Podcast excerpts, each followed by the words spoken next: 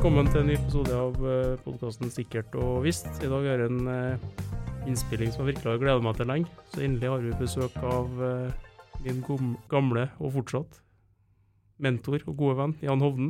Professor emeritus Jan Hovden. Hei, Jan. Hei, hei, Jan. Og professor eh, Trond fortsatt med. Ja, jeg er fortsatt med. Med i dag også. Men eh, du Jan er jo professor emeritus, mens jeg og Trond er jo vanlige professorer. Hva er, hva er en professor emeritus? Ja, det lurer jeg litt på, men ja, det er nå en som er pensjonist, og som går igjen i korridorene og hefter de som er i fast jobb. En kan bistå Ja. Mm. med kloke råd fra gammel mann. Eh, Så pleier du å si at uh, din professorstilling er erstatta av to professorstillinger, gjør du ikke det? Ja, jeg bruker på å sk- skryte på meg det at dere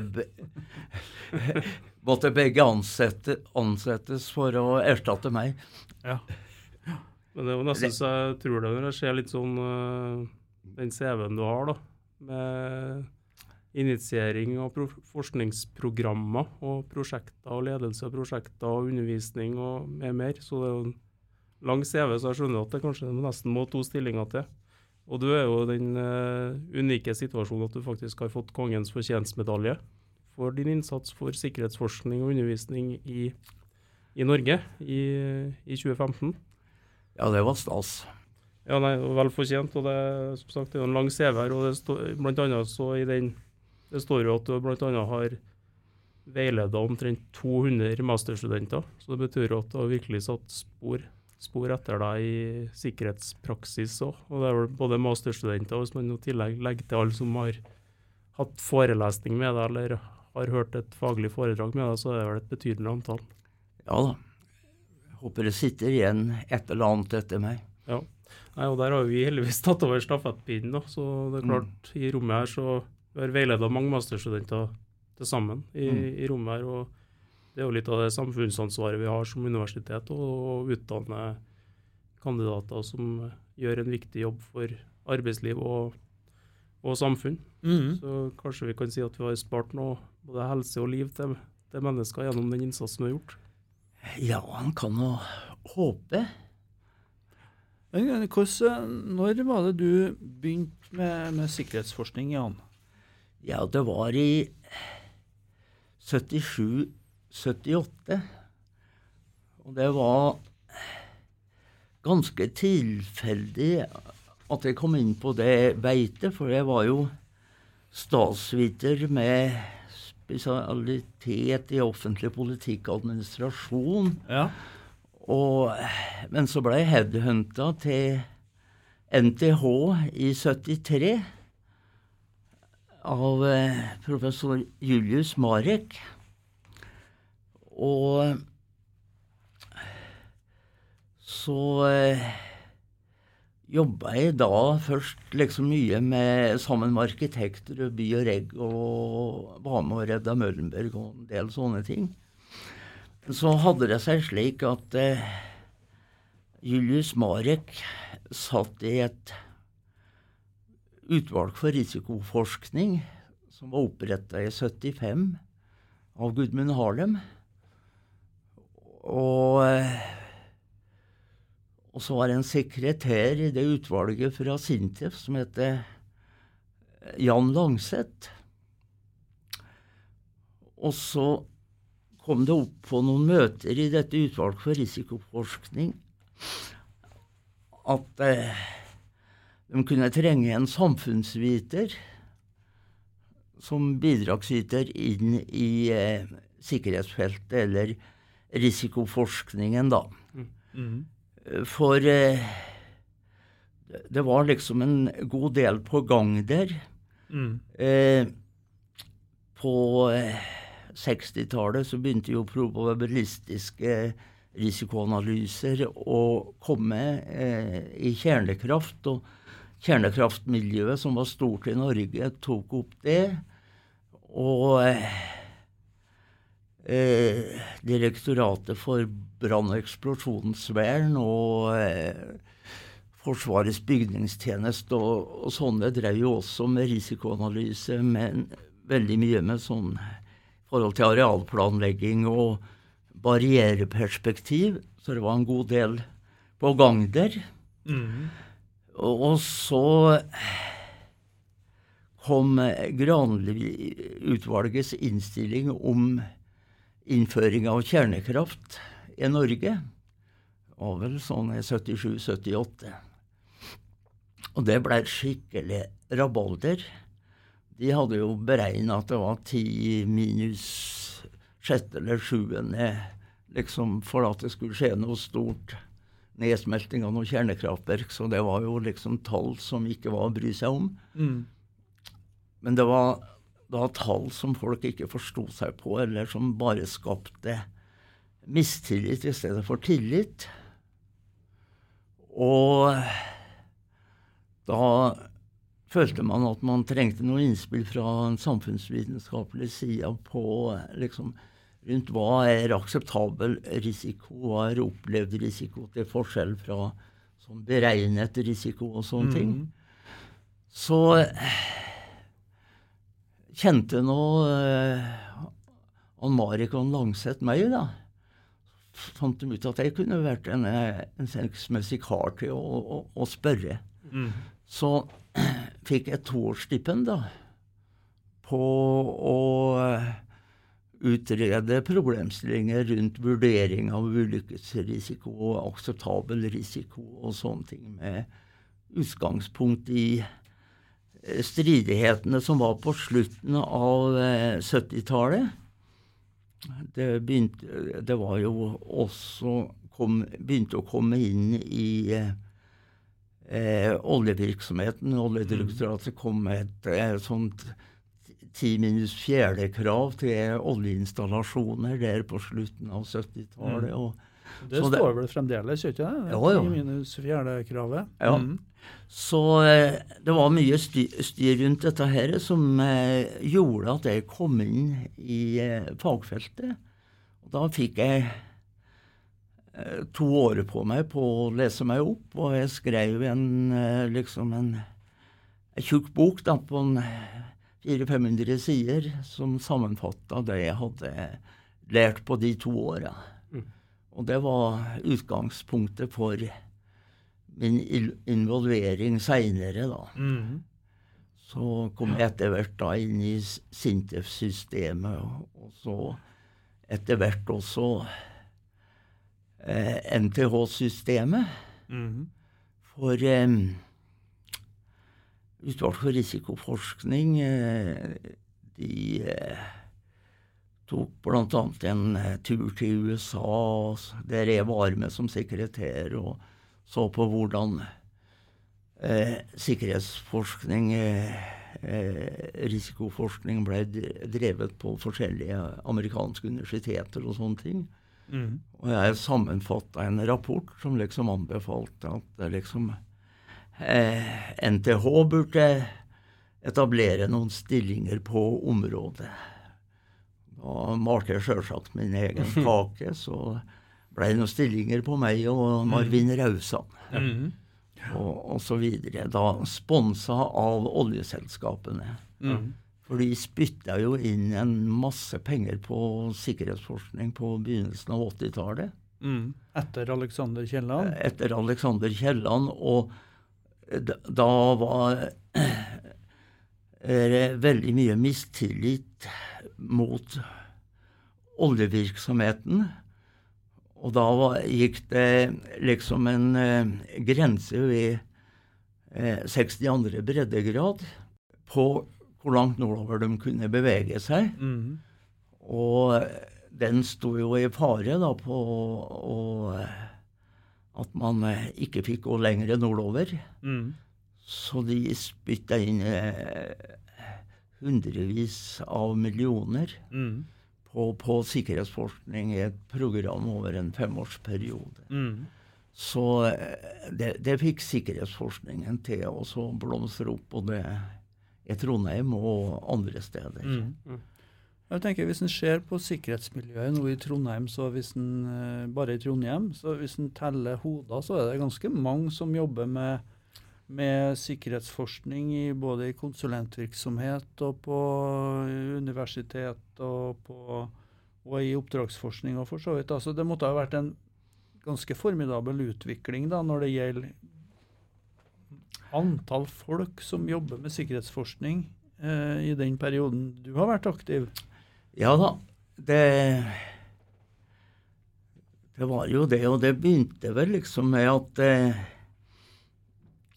eh, Man fant liksom ikke noen helt plass til meg da etter at jeg var ferdig med det toårsstipendet.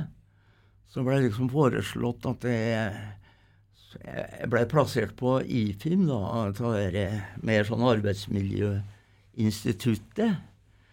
Men det var liksom ikke politisk helt populært. Eh, for det var en del folk der som ikke ville ha oljesøl på fingrene. Mm. Mm. Mm. Så eh, var det noen eh, Begynte det å komme noen risikoforskere på eh, avdeling for maskinkonstruksjon ved Sintef. Mm.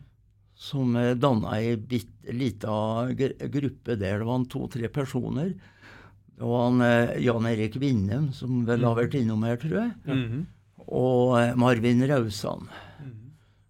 Og eh, etter hvert også Ranveig Tinnmannsvik. Det var de treene der jeg starta med. Og så ble jeg invitert over til å bli med den eh, gjengen der. Og etter hvert eh, eh, vokste det på seg, så det blir nå liksom en skikkelig booster på begynnelsen av 80-tallet. Fra at vi var tre-fire stykker til plutselig så var vi en eh, ja, 15 Mm. stykker. Og, Ja. og, og, og ble skilt ut fra maskinkonstruksjon. og og, og, og fikk etablert et miljø i en villa i Øvre allé 11 som var veldig ungdommelig og, og kreativ, og fikk skikkelig fart på sikkerhetsforskningen. Mm. Så vi, og vi eh, hanka inn masse store prosjekter og hadde veldig mye spennende å jobbe med der. Mm. Mm. Så eh, det miljøet der ved, i eh, Øvre allé 11, det var helt enestående. Mm. Jeg har hørt noen historier derifra, jo. Jeg regner med det. Trenger kanskje ikke å ta dem her. Nei, Men jeg tenker, det, du er inne på det her noe sånt med at det utspringer fra Maskininstituttet og snakker om eh, minus fjerde og sånn. og så det klart, det, er jo, det er jo et forskningsområde som i utgangspunktet var veldig ingeniørmessig, og så kommer du inn med din eh, statsviterkunnskap. og Det kjennetegner vel kanskje sikkerhetsforskninga den dag i dag, da. Det her Mm. med, med tverrfagligheten, og den vet jeg jo at du bestandig har vært veldig opptatt av. det å være åpen og lyttende og få til det gode samspillet med, med andre disipliner. mm. Og det er vel knapt en disiplin du ikke har jobba med, sikkert.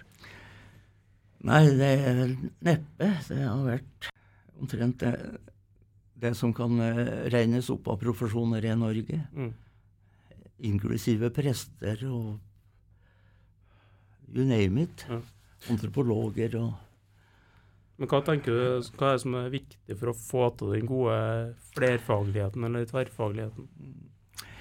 Nei, jeg så jo det eh, Utover på 80-tallet så ble det også etablert en del sånn nordiske prosjekter og nordiske samlinger. Så såkalte NOFS-konferansen osv. Og, og ved KTH i Stockholm så hadde man også en eh, tverrfaglig gjeng da fra eh, Urban Kjellén som eh, liksom sånn typisk ingeniør, Mm. og, og Tore Larsson som var antropolog, og, og sånne ting. Så, men det som Jeg, Jeg syns det er veldig fascinerende å, å, å lære av andre. Og liksom det, det, det spørsmålet om å ha et åpent sinn å ta til seg. Mm. Og, eh, og, og, og prøve å lære av andre ståsteder, så har jeg også vært veldig opptatt av det at man kan se på sikkerhet fra forskjellige vinkler og perspektiver. Mm. Så eh, jeg sto vel også litt bak en del av de ide ideene med de seks perspektiver som bl.a. Eh, Ragnar Rosnes har eh, presentert her. Det har litt rot i liksom denne her, eh, higen etter eh, tverrfaglig tenkning. Mm.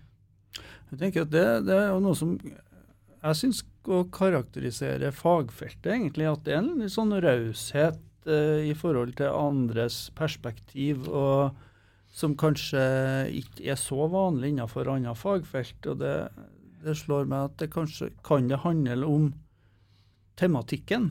Altså at det er Man er, er egentlig ute etter at alle skal komme seg hel hjem fra jobb hver dag. At det er en Ja. alvorlig tematikk. Det, det, det er en, en alvorlig tematikk, og når man begynner å, å grave i eh, liksom problematikken på hvorfor ting går galt, eller i og for seg også med resiliens hvorfor ting går bra, så, så eh, blir en med en gang utfordra på tverrfaglige problemstillinger. Mm. Mm. Men eh, jo da. Mm. Jeg tenker sånn, du, Det er jo en ganske formidabel utvikling som har vært, hvis en ser på eh, siden 1977-78 og frem til i dag i arbeidslivet. Mm. Eh, og jeg tenker at eh, det, det krever jo litt eh, fra måtte, et sånt fagfelt som sikkerhetsfeltet å på en måte holde tritt med den utviklinga. Altså det er, det er kanskje andre farer som truer nå, sammenligna med mm, på 70-tallet f.eks. Mm. Um, hvordan opplever du at fagfeltet har utvikla seg i den perioden? Har det på en måte kommet til Du nevnte resilience f.eks. som et nytt perspektiv eh, forholdsvis. da.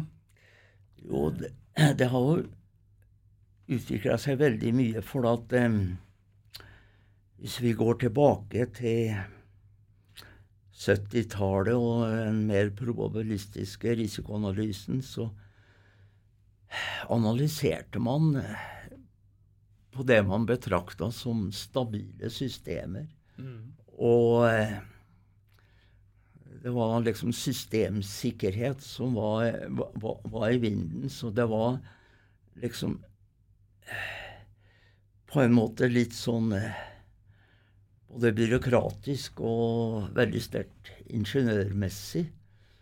Og man eh, var også der tidlig opptatt av såkalte human error og forskning på det på menneskesida. Da. Så det var et, også liksom et menneskesyn som var ganske negativt til menneskets rolle i sikkerhetsarbeidet. Hvis jeg liksom ser, ser tilbake til eh, 70-80-tallet. Og det har jo liksom forandra seg til liksom med, med HRO, mennesket som ressurs, og, mm. og forskjellige sånne ting oppover. Så eh, Men eh, næringslivet var også annerledes. Det var eh, mye mer stabilt. Man gjorde det mer eller mindre det samme fra år til år. Mm. Og det var jo liksom store ja, prosessindustrien, ikke minst. Mm. Så var det liksom mye det samme som eh, Mm. gikk, gikk igjen Mm. som en Og hvis en så på det som stabile systemer, så gikk det jo an kanskje å regne på Mm. at det kunne gå feil. Mm. Men eh, nå er det jo så mye ny teknologi, og eh, systemene er blitt mye mer komplekse og dynamiske, så eh, det kreves litt andre innfallsvinkler og tenkemåter som en da Mm. eh, ser bl.a. gjennom den resilience-tenkningen. Og, mm. sånn, så, eh, og så en ting som også kom inn som nytt på 80-tallet, som ikke var der da jeg begynte, det var det her med sikkerhetskultur. Mm. Og, og liksom den type tilnærminger, mer sånn sosiologiske, det kom etter Tsjernobyl i 85. Og, og, og, var liksom veldig i vinden. Og, og, gikk, og, det gikk liksom Og det gikk litt over til det her med HRO-tenkning og, Mm. og, og, så, sånne ting. Så um, hva, hva, Hvis jeg skal spørre deg direkte, hva syns du om det her resilience-perspektivet på sikkerhet? Jeg, jeg syns som konsept og perspektiv så har det mye for seg. Det er én ting jeg ikke liker med det. Det er fordi at jeg, jeg, greier kanskje ikke å henge med sjøl. Det er liksom den her Systems Dynamic-modelleringen. Mm.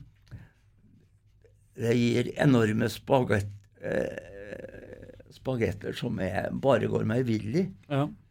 Og jeg syns de mangler litt eh, koblingen til det virkelige liv. Hvor en har organisasjoner. Man har eh, nivåer fra liksom det globale samfunn, eh, bedrifter og liksom ned til det sharp end. Mm. Det, det, her, det, perspektivet blir borte, helt borte i den systems dynamic-tenkninga. Ja. Så Og det har jeg krangla mye med Holdnagel om. Ja. For at han liksom prøver å distansere seg og ikke bruke Jens Rasmussen. Mm. Men jeg, har krangla med ham på det der at eh, Jens hadde jo et av det vertikale perspektivet. Mm. Med feed forward og feed, eh, feedback gjennom systemnivåer. Mm. Og det finner en liksom ikke igjen Nei. Mm. i, i eh, resilience på en god Mm. måte. Så eh, Det blir et Eh, så- abstrakt, så- så- eh, abstrakt det, det blir for abstrakt, og det eh, holder jeg en knapp på at man skulle ha fulgt opp mer av det Jens Rasmussen Mm. gjorde. Mhm. Så e- egentlig er ikke resiliens så kjempenytt som man skal ha det til, da. hvis man kan ta nøstet tilbake til Rasmussen på 90-tallet. Ja da, det, det kan eh, rekkes ba, ba, bakover dit, Mm. men de, man har forsøkt å distansere seg fra Rasmussen da. Ja. Og det syns jeg har vært dumt. Mm. Vil si noe med og det ene andre understreker det her med den flerfagligheten og klare å evne å se ting med forskjellige brillepar, forskjellige Ja. perspektiver. ja. Mm. Så eh, liksom eh, Ankepunktet mitt mot eh, resiliens er mye at både institusjoner, organisasjoner og mennesker blir borte i eh, abstrakt systems Mm. dynamic. Mm. Nei, for en ting jeg har tatt med meg, da, så nevnte vi at du har vært litt sånn mentor for meg gjennom både veileder på masteroppgave og, og ph.d., og at jeg jobba under deg også som førsteamanuensis. Så en ting jeg har tatt med meg fra det, er jo det her med hvor opptatt du er av at ting skal være praksisnært, og det skal være noe anvendt i det, så man ikke legger seg på det, på det konseptuelle nivået. Så det er i hvert fall en viktig lærdom jeg har tatt med meg inn i min karriere. Ja. Og så er det kanskje litt uh, Jeg blir litt oppgitt av og til, og at det er så mye annen forskning som ligger på det, det konseptuelle nivået. Men uh, det er vel kanskje behov for begge tilnærmingene. Det er vel behov for begge deler. Og jeg, jeg er jo nysgjerrig på det meste, så jeg har jo slukt eh, eh, resilience engineering og fikk jo Mm. tak i penger, så jeg hadde jo eh, han eh, Holnager her i, i mange år som professor to og Ja. Mm. så, sånne ting, så det har ikke stått på det. Nei. Men eh, det, det, det er noe med det praksisnære som eh, blir borte der. Og, Mm. Og det er eh, litt vanskelig å kommunisere. Mm. Eh, Tor Olav Grøtan var jo også inne på det i en sånn tidligere Ja. podkast. Mm.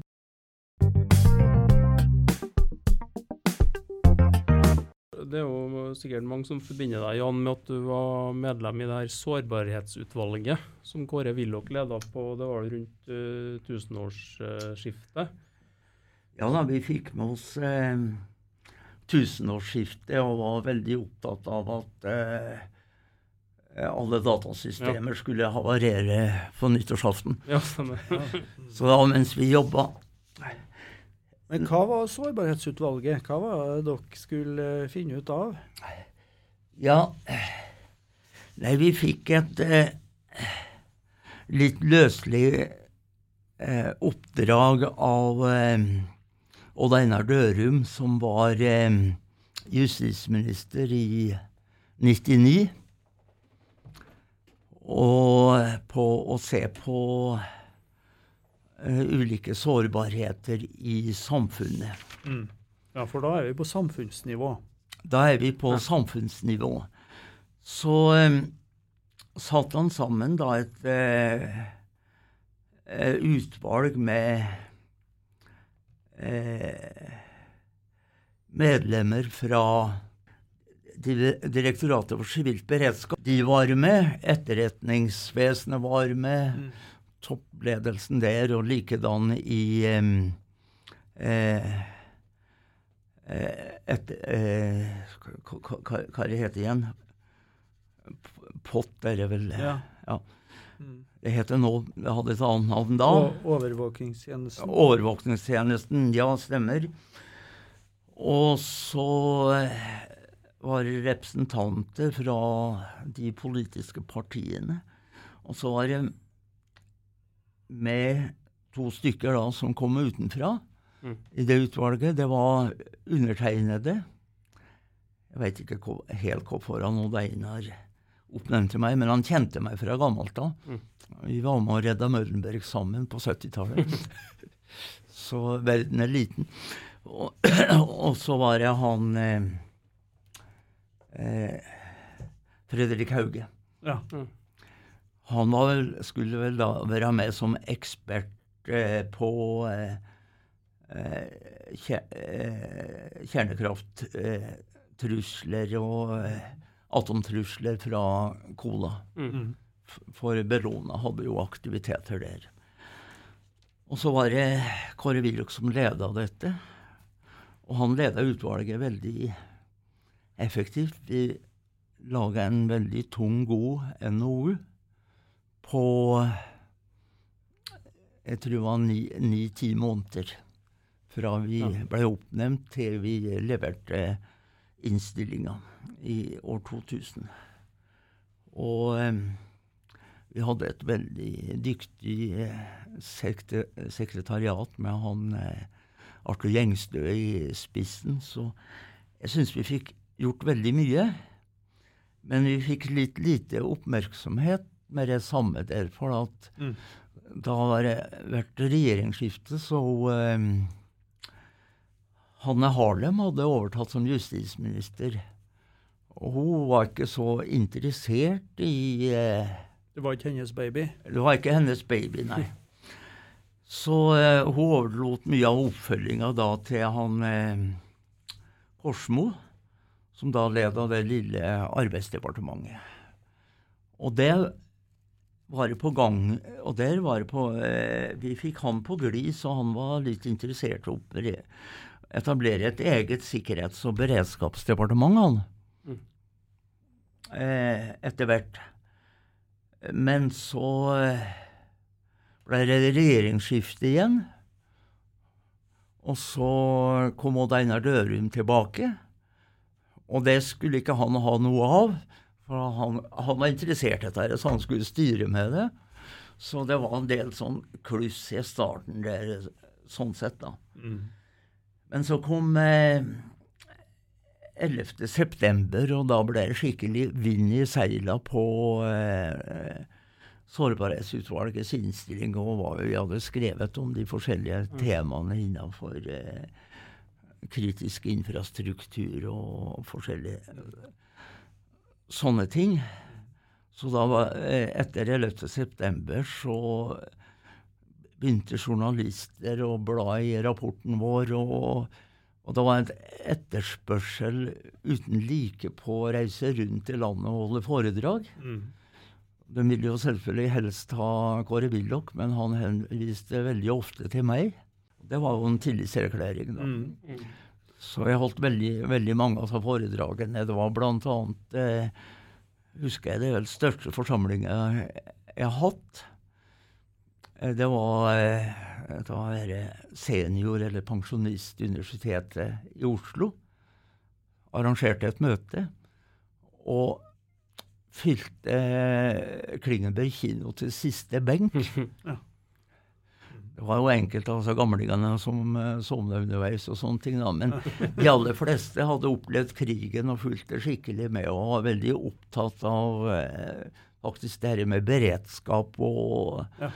Og uh, ungdommen, de tuller jo med at han Dørum og vi i utvalget også har ment, mente at folk burde ha en viss beredskap i heimen, Mm. slik at de kunne overleve en, eh, en uke eller to. Mm. Og ungdommen bare flira og gjorde narr av dette. Men disse gamlingene som har opplevd krigen, de tok det på ramme alvor. Mm. Så nei da, så eh, vi det, fikk, det fikk skikkelig eh, vind i seila, og mye av det vi foreslo, det har jo eh, Eller skrev om, det står seg en dag i dag. mm. Det, det ble riktignok ikke et eget departement av det, men vi fikk nå i hvert fall da oppretta Direktoratet for eh, samfunnssikkerhet og beredskap i Tønsberg Mm. som en følge av eh, dette utvalget. Ja, eh, når det gjelder sårbarhetsutvalget eh, Hvis du skal si litt om hva var de, hva var det, de viktigste sårbarhetene som dere pekte på i, i utvalget? Det var eh, energiforsyning i kobling med eh, kommunikasjonssystemer Ja. og datasystemer som kunne bryte sammen. For det var da liksom slik at brøt datasystemene sammen, så kutta energiforsyninga, og omvendt eh, datasystemene fungerte ikke uten energi. Nei. Mm. Så eh, Og det var jo liksom da blant annet sånne scenarioer liksom, som i og for seg ganske enkle, som eh, vi også fikk illustrert gjennom at det kom eh, eh, stormer og uer, så det var bygder oppe i Nord-Norge som ble isolert et par uker, faktisk. Mm. Og som, men som da var robuste lokalsamfunn, så de greide seg ganske bra. Men har det samme skjedd i Trondheim eller Oslo, så har det vært full kollaps på Mm. tilsvarende sammenbrudd. Ja. For eh, og, og ikke minst også da med at eh, alt går online på eh, eh, transport av va va varer og sånn, så butikkene går veldig fort tomme. Mm. Og eh, kassaapparatene virker ikke, så folk ikke får betalt. og så Mm. det, det, Mm. det er så lite til for det blir fullstendig kollaps på sånne systemer. Mm. Og det er jo like aktuelt en dag i dag. Det var Ja. veldig forutseende, det arbeidet som ble gjort der. da. Ja, Det og jo- der, der var vi veldig grundige. Mm. Ja. Ja, Det er interessant det du sier om at det, man er på en måte litt avhengig av ytre omstendigheter for at det skal på en måte bli interesse rundt den type tematikk. da. Du nevnte 11. september. Ja. Mm. Eh, og nå har vi jo, har vi jo koronapandemien eh, mer eller mindre bak oss. Mm, Vi har fått uh, Ukraina-krigen. mm, Uh, min opplevelse er at det, er mer oppmerksomhet rundt uh, beredskap og sårbarhet nå enn det var kan du si, for ti år siden, f.eks. Ja, det går, det, går, det går litt i bølger ettersom at, det, at det skjer ting. Så eh, Ja, jeg ser jo, Vi har jo ni liter vann i kjelleren i tilfelle Ja, og så ser vi jo en av nye strategiske satsingsområdene til NTNU er jo nettopp uh, samfunnssikkerhet og, og, beredskap. Så kanskje på høy tid da, at det blir et satsingsområde. Men det, det lover jo godt for både forskning og undervisning på, på NTNU på tematikken. Ja, ja. Og, og um, NTNU er jo uh, veldig viktige i disse sammenhengene, for at um, kompetansen på kritisk infrastruktur eh, sitter jo veldig mye på teknologiinstituttene mm. på NTNU og delvis eh, Sintef. Ja. Mm. Så eh, mm. Nei, og så er det jo som du har vært inne på flere ganger, og det med den tverrfagligheten for å forstå samfunnssikkerhet, både fra et ja. samfunnsvitenskapelig ståsted, men vi har jo et miljø på geografi f.eks. som vil være viktig for å forstå en del ting rundt klimaendringer og naturfare. Ja, ja, da. Jeg tror òg i det sårbarhetsutvalget sin NOU da, så har du jo en figur som er sikkerhetsrosen, eller hva man skal kalle det, som jeg tror det er ganske godt kjent for. da. Så kanskje mange har et forhold til det. Det er to dimensjoner. Det ene er liksom om det her er en utilsikta eller tilsikta handling som, som, virkelig har blitt aktuelt i våre dager, både med cybersecurities effekt på sikkerhetssystemet og aktualisert ja. gjennom Ukraina-krigen. Ja, nei, det er På tilsikta hendelser så har vi jo alt fra terrorisme, sabotasje, kriminalitet, vandalisme og Mm. Helt ned til selvdestruktive handlinger og sjølmord og, mm. og, sånne ting. Og på utilsikta hendelser så har vi jo liksom alt fra naturlige katastrofer og industrielle storulykker og mm. mer vanlige hyppige ulykker innen ulike sektorer. og mm. Men så var det interessant hvordan det her krysser sammen. da. Ja, og der, og der hadde vi en skikkelig um, jobb internt i eh, sårbarhetsutvalget. Ja. For mandatet vårt var såpass uklart at eh, det var disse som kom fra security-området. De ville at vi skulle bare fokusere på den sida. Ja, sånn. mm, ja. Og jeg insisterte, sammen med hun eh, Bøsterud fra Direktoratet for eh, eh, Sivilt beredskap. Sivilt beredskap. Eh, på at også de utilsikta hendelsene som naturkatastrofer og store lykker burde være med. Ja. For når man ser på beredskapssida, så er det jo nesten likegyldig om det er tilsikta eller ikke. Mm. Ja. Så mens eh, det har vært helt vanntette skott mellom eh, de to områdene både på samfunnsnivå, men også i bedrifter. Så de som jobba med security, de hadde ikke noe med de som uh, mm. jobba med sikkerhet. Og, mm. og så trakk de kanskje på de, delvis de samme beredskapsressursene? da? Ja, men ja. De, de, var ikke koordinert Nei. eller uh, helt visst om hverandre. Mm. Så eh, der kjørte en uh, skikkelig kamp innad i utvalget, som uh, jeg og Helen Bøsterud vant ved at vi fikk Kåre Willoch på vår side. Mm. Ellers kunne den rapporten blitt Veldig security-relatert. veldig security-relatert. Ja. Så det var liksom den herre vannrette aksen i denne her, eh, modellen, eller eh, figuren, da, som er egentlig Den er verken teoretisk eller noe som helst sånn, men den er eh, Den illustrerer en del viktige poenger. Mm. Og så den vertikale aksen der, fra liksom makro til mikro, der er jo idégrunnlaget mitt den vertikale modellen til Jens Rasmussen, egentlig. Ja. Og liksom slik på midten her, da, så får vi eh, bedriften, og så ned til individet, og så har vi jo liksom samfunnet og, og verden rundt oss øverst der. Mm. Både politisk, militært, og økonomisk og Mm. så videre. Mm. Så der var idégrunnlaget mitt eh, eh, Som sagt, den vertikale modellen til Jens Rasmussen. Mm. Men, eh, Ja, den her eh, men, jo men denne modellen laga jeg ikke til eh, Sårbarhetsutvalget. Jeg hadde laga den eh, året før.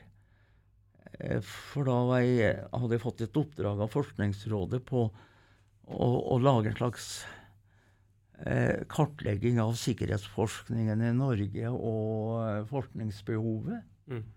Og i den forbindelse så laga jeg den figuren. Som jeg da fikk tatt inn, som også da er gjengitt i Sårbarhetsutvalget. mm.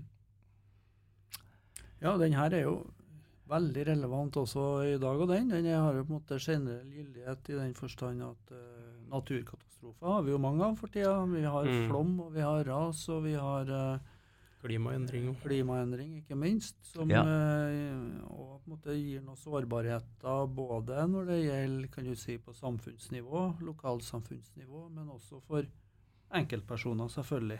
Den er eh, relevant, men den er liksom bare et forsøk på å klargjøre hvor omfattende og mangfoldig av fagfeltet er. Ja. Og da ligger det også i den figuren her at det er ekstremt tverrfaglig. Dette er ikke én disiplin som kan styre med. Nei. Nei, vi begynner vel å komme til veis uh, ende med praten. Uh, har du som en klok, eh, gammel, vis mann lyst til å gi noen gode råd til fremtidens sikkerhetseksperter? Nei, eh, ikke utover det at dere er eh, åpne og søkende. Artig at du tenker på oss som frem, fremtidens sikkerhetseksperter. Ja, og åpne og søkende. Ja. Og så en ting som irriterer meg noen ganger når jeg leser vitenskapelige artikler, at det, det, det er en del keiserens nye klær ute og går på dette fagfeltet her, Mm. som er helt bortkasta. Mm. For at dette var tenkt og dokumentert for eh, noen årtier siden. Mm. Så det er nå det. Mm. Og så kan jeg Jeg veit ikke hvordan dere fant på den eh, tittelen på podkasten eh, Sikkert og visst. Nei, det hadde vi en idédugnad på. Eh, Og med oss et par dyktige, kreative ph.d.-studenter. ja. Ja, men jeg, jeg tenkte med en gang at eh, eh, For noen år tilbake så kom det ut et Gemini-blad. Som Ja. ble delt ut liksom gratis og, overalt på Gløshaugen. Mm. Og der eh, fronta jeg eh, framside og stort intervju med meg inne i Gemini-bladet. Og ble tatt et bilde av meg oppe i eh, flytårnet på Værnes. Da er jeg anekdotisk, og da kan dere droppe i sjølve posten. Men det står med store bokstaver eh, over meg på eh, Gemini-bladet. Sikkert og visst. Det er jo den, eh, den eneste personen jeg kjenner som har fått overskrift i Adresseavisa med at man er sikkerheten sjøl òg. Ja, men eh, det er nå på mange måter. Ja, men det var jo fortjent. Det var jo i forbindelse med det vi snakka om tidligere med Kongens fortjenstmedalje. Mm. Da sier vi tusen takk til sikkerheten sjøl, Jan Hovden. Eh, veldig hyggelig å ha deg her. Vi kunne ha sittet i mange timer til, det er jeg helt sikker på. Ja, veldig hyggelig å få eh, kom, komme her og fortelle litt. Da sier vi takk for oss. Så bruker vi å si 'ikke forhåndholdes'. Ja. Hva, hva sier Gudbrandsdalen? Nei eh, Vi sier Vi bruker si eh, 'leva så vel' når vi Ja. avslutter en samtale eller går fra hverandre. Da avslutter vi med det. Det så vel. Mm.